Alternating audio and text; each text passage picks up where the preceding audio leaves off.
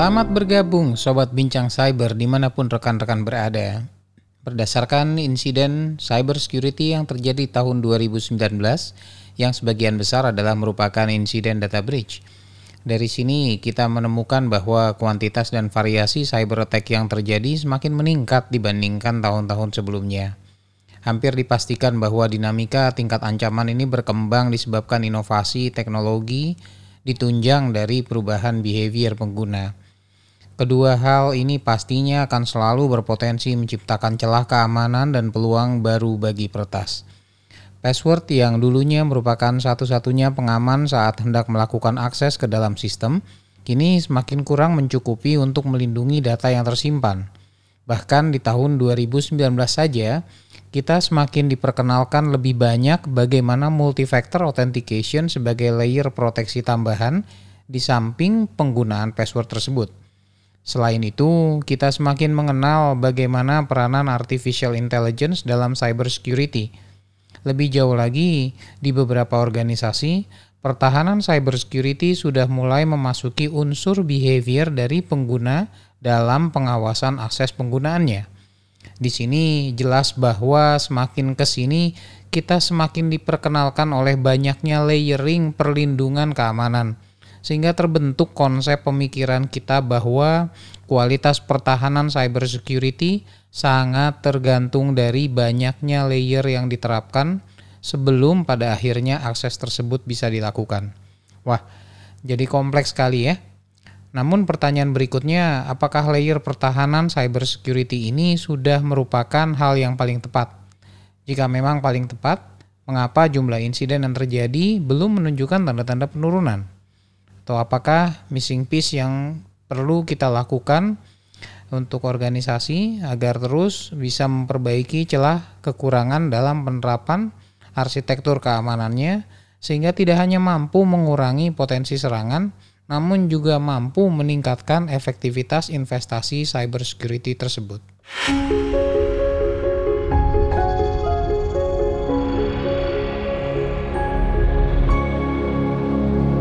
Cybersecurity adalah merupakan sebuah realita kompleksitas dalam upaya pertahanan. Saya pernah ditanya oleh salah satu rekan mengapa menyebut pertahanan, kok bukan keamanan. Keamanan adalah kondisi di mana kita sudah bebas dari gangguan, sementara pertahanan adalah kata kerja, yang artinya kita dalam rutinitas masih terus berupaya. Dalam episode pertama di podcast Bincang Cyber, saya sempat mengutarakan bahwa cybersecurity itu hanya ada 99% dan bahkan bisa saja turun ke derajat yang lebih rendah jika tidak ada upaya pertahanan atas dinamika yang pastinya akan terus terjadi. Nah, jadi cybersecurity adalah sebuah proses sehingga lebih cocok dipasangkan dengan pengamanan pertahanan ketimbang keamanan. Nah, lebih jauh dari itu, arsitektur pertahanan cybersecurity dalam pemerintahan dan organisasi baik komersial maupun nirlaba adalah menjadi tanggung jawab seluruh stakeholder pada organisasi tersebut. Manajemen dapat turut berperan aktif melalui proses pengambilan keputusan strategik cybersecurity. Dalam beberapa kesempatan, saya mengutarakan kepada audiensi bahwa cybersecurity adalah merupakan sebuah Eh, bagian dari strategi organisasi, khususnya bila dikaitkan dengan objektif dan resiko bisnis. Sebuah salah kaprah jika cybersecurity hanya terbatas pada teknologi saja, seperti pemilihan firewall dan antivirus. Dengan hanya mengandalkan teknologi saja, kita tidak akan mampu secara optimal menekan cyber threat yang menjadi potensi ancaman ke depannya. Karena attack surface semakin luas tentunya dan kompleks juga. Saya sedikit membahas tentang attack surface ini pada episode ke-8 di Bincang Cyber. Nah, di sini kita uh, saya mengutarakan bahwa kita memerlukan adanya satu pendekatan berbeda yaitu pendekatan holistik yang merangkai indikator yang ada dalam organisasi secara harmonis sehingga menghasilkan sebuah outcome yang lebih baik daripada tidak dilakukan secara holistik. Dalam hal ini di samping teknologi tentunya ada indikator lainnya yaitu proses dan people di dalam organisasi. Dua hal ini banyak sekali terlupakan. Nah, mengapa kita perlu mengaitkan semua indikator ini? Oke. Saya coba berikan ilustrasi di sini yang mudah-mudahan bisa memberikan sebuah gambaran lain. Sebuah perusahaan mengumumkan bahwa mereka mengizinkan karyawan untuk mempergunakan perangkat sendiri ketika hendak mengakses sistem di kantor. Istilahnya mungkin BYOD. Hal ini dianggap membantu perusahaan untuk menghemat biaya dan sekaligus memberikan fleksibilitas kepada karyawan. Keputusan setelah keputusan ini dibuat, bagaimana dampaknya terhadap arsitektur cybersecurity yang ada? apakah proses pengambilan keputusan strategik ini sudah mereview kesiapan arsitektur yang ada. Hal yang paling sering terjadi adalah keputusan diambil dulu, baru arsitektur cybersecurity diminta untuk menyesuaikan. Nah, ini agak kontradiktif. Arsitektur mungkin bisa menyesuaikan atau bisa juga disesuaikan, tapi masalahnya adalah window time yang ada dari saat keputusan diambil hingga terjadi perbaikan arsitektur ini sering kali menyebabkan breach. Belum lagi faktor lainnya seperti awareness pengguna yang perlu juga mendapatkan perhatian. Nah, inilah alasan utama bahwa keputusan strategik dan taktikal dari cybersecurity kini perlu pendekatan yang menyeluruh atau holistik. Atau dengan kata lain, ada indikator-indikator yang perlu juga mendapatkan pertimbangan.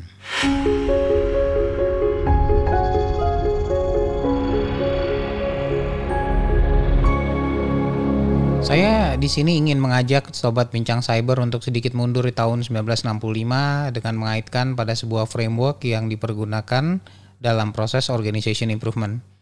Ketiga indikator people, process, dan teknologi bisa diambil kesimpulan bersumber dari Diamond Shape Organization System, model yang diprakarsai oleh Dr. Harold J. Levitt, seorang pakar organizational behavior lulusan Harvard di tahun 1965. Dari modelnya ini, Levitt menyebutkan bahwa ada empat indikator yang sal secara saling mempengaruhi atau interdependensi sehingga dapat menyebabkan perubahan di dalam organisasi.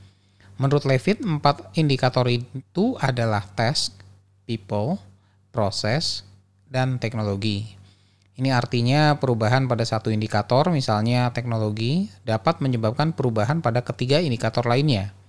Setelah saat itu, setelah uh, publikasi yang dilakukan tahun 1965 tersebut, tidak ada publikasi lain yang mengikutinya. Namun di tahun 1999, Bruce Scher, the CTO dari IBM Resilience, mengangkat kembali serta mengaitkan framework ini dengan domain security sehingga menjadi tiga indikator saja, yaitu people, process, dan teknologi.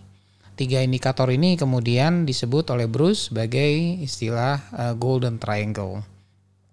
Karena sifat dari indikator golden triangle ini yang berpengaruh pada indikator lainnya, ini berarti perubahan di satu sisi atau misalnya katakanlah perubahan pada faktor teknologi juga akan berpengaruh kepada people dan proses. Dalam artian prakteknya, jika IT atau cyber security team lainnya ingin melakukan perubahan teknologi sebagai antisipasi dinamika ancaman cyber, hal ini juga pastinya akan mempengaruhi people dan proses. Indikator people berubah menunjukkan diperlukan adanya pelatihan pengarah yang mengarah pada awareness dan pengetahuan. Sementara indikator proses bahwa setiap penerapan teknologi baru pada akhirnya akan merubah proses yang sedang berjalan. Domain people dan proses ini adalah ranah milik manajemen. Untuk itulah mengapa tadi saya menyebutkan bahwa manajemen perlu terlibat dalam cybersecurity dalam artian strategical dan tactical sehingga menjadi tidak tepat jika kini masih ada saja organisasi yang berpendapat bahwa cybersecurity hanya menjadi tanggung jawab tim IT ataupun tim cybersecurity. Kita lanjut membahas ketiga indikator ini satu persatu secara detail, dimulai dari people, yang kemudian diikuti oleh proses, dan diakhiri dengan indikator teknologi.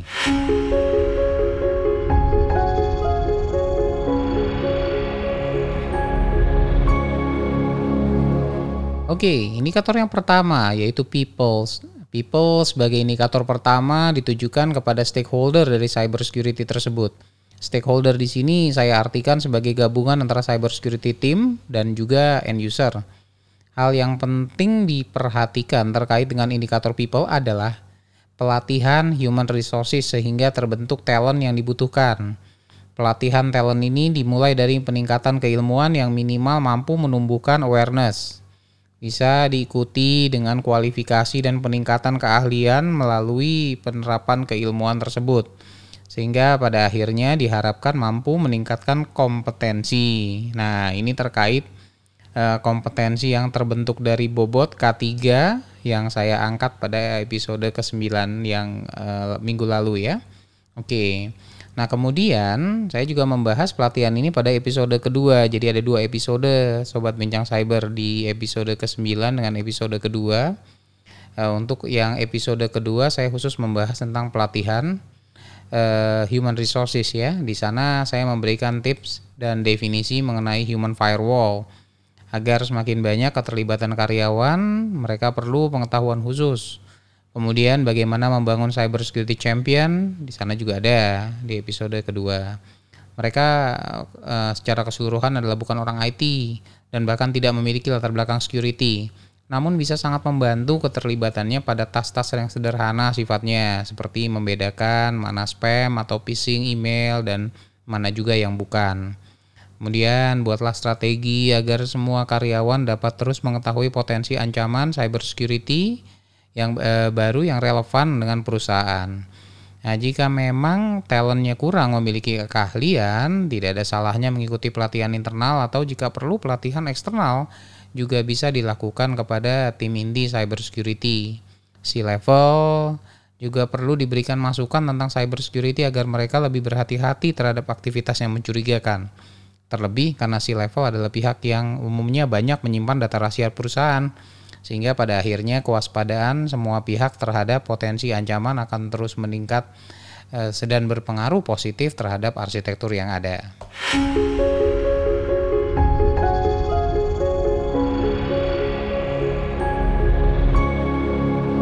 Oke, sekarang kita lanjut indikator yang kedua ya. Terkait dengan indikator yang kedua ini adalah indikator proses. Ada banyak hal yang di sini bisa dijaji, bisa kita jadikan acuan.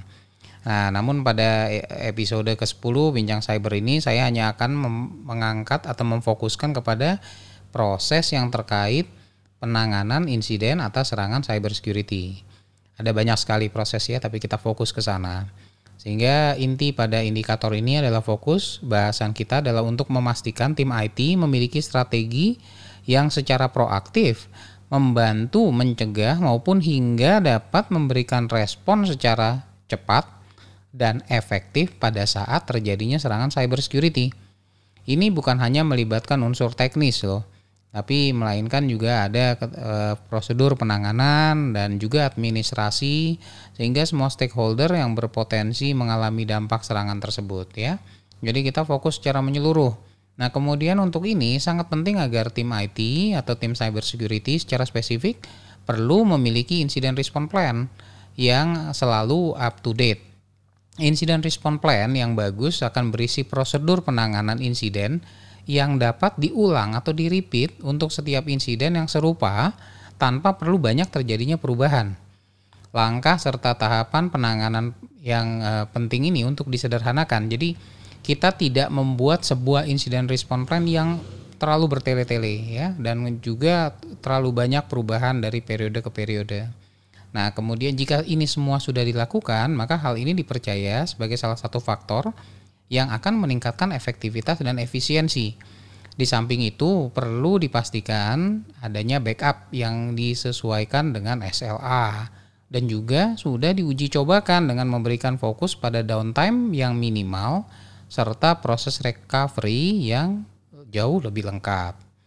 Kemudian, organisasi juga perlu memiliki daftar aset yang akan dilindungi dengan juga dilengkapi lokasi dan prioritas yang diberikan untuk setiap aset aset tersebut. Nah, hal ini sangat penting untuk dijadikan pertimbangan besaran investasi perlindungan.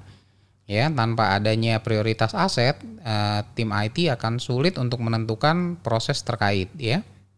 Nah, dari sini bisa kita tentukan prosedur pengamanan, prioritas sistem update, dan juga proaktif measurement untuk masing-masing aset tersebut.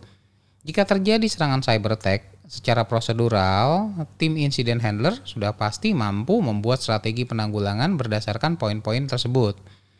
Nah, hal yang ketiga terkait dari indikator proses adalah threat model untuk landscape arsitektur organisasi serta bisa lebih baik lagi jika ditambah dengan koleksi analisis dari riset threat yang relevan dengan landscape tersebut. Mustahil strategi cyber security bisa terbentuk dengan baik tanpa adanya visual terhadap landscape serta pemahaman terhadap potensi ancaman yang sedang menjadi trending.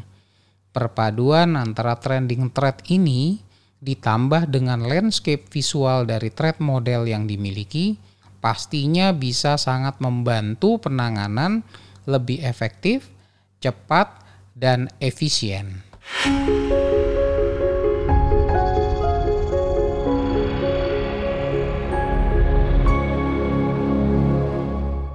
Indikator yang ketiga atau yang terakhir dari Golden Triangle ini adalah teknologi.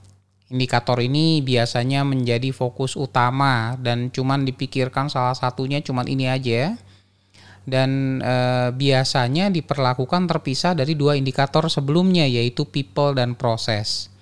Pada sebuah kesempatan Bill Gates, saya mengutip dari ucapan yang diutarakan Bill Gates pada satu kesempatan, dia mengucapkan bahwa aturan pertama dari setiap teknologi yang digunakan di dalam bisnis adalah otomatisasi yang diterapkan pada operasi yang efisien. Pastinya akan memperbesar efisiensinya ya jadi otomatisasi yang diterapkan pada operasi yang sudah efisien itu akan memperbesar efisiensinya namun di sisi lain menurut Bill Gates dikatakan otomatisasi yang diterapkan pada operasi yang tidak efisien akan memperbesar inefisiensinya. Jadi akan semakin lebih tidak efisien lagi. Nah ini adalah ini adalah sebuah kenyataan yang sangat ironis karena ada banyak sekali solusi teknologi cybersecurity yang tersedia, namun jika kita tidak memiliki proses yang baik atau people yang dapat menafsirkan informasi, maka semua hal ini tidak akan dapat memberikan dampak positif sebanyak yang kita pikir akan meningkatkan perlindungan cybersecurity tersebut. Sehingga teknologi tidak dapat memperbaiki proses yang buruk hanya dengan keterlibatan people dan proses, teknologi dapat memberikan lebih banyak kegunaan manfaat bagi arsitektur perlindungan cybersecurity perusahaan. Nah, inilah mengapa mengaitkan teknologi dengan people dan proses. Sebab teknologi baru akan dianggap cocok dan memberikan manfaat setelah diterapkan jika digunakan oleh people dan juga didorong penyerapannya sebagai bagian dari proses. Dua entitas ini harus sebenarnya eh, lebih eh, apa optimal dulu atau efektif atau efisien dulu baru peranan teknologi dapat mendorong peningkatan selanjutnya. Sehingga saya sering menemukan eh, bahkan ada dinding pemisah antara teknologi yang dipergunakan untuk perlindungan cyber security dan para penggunanya. Ada silo di sini, ada gap di sini. Ditambah tidak ada kaitan dengan proses yang berjalan. Hal ini yang menjadikan masalah dalam jangka panjang. Sebab bagaimana juga tingkat pengukuran keberhasilan atas teknologi dapat dilakukan tanpa adanya penyerapan oleh people dan proses, sehingga sering kali biaya investasi yang dikeluarkan dikaitkan atau dianggap merupakan keberhasilan daripada implementasi, namun tidak mengukur sinergi yang terjadi daripada ketiga indikator tadi.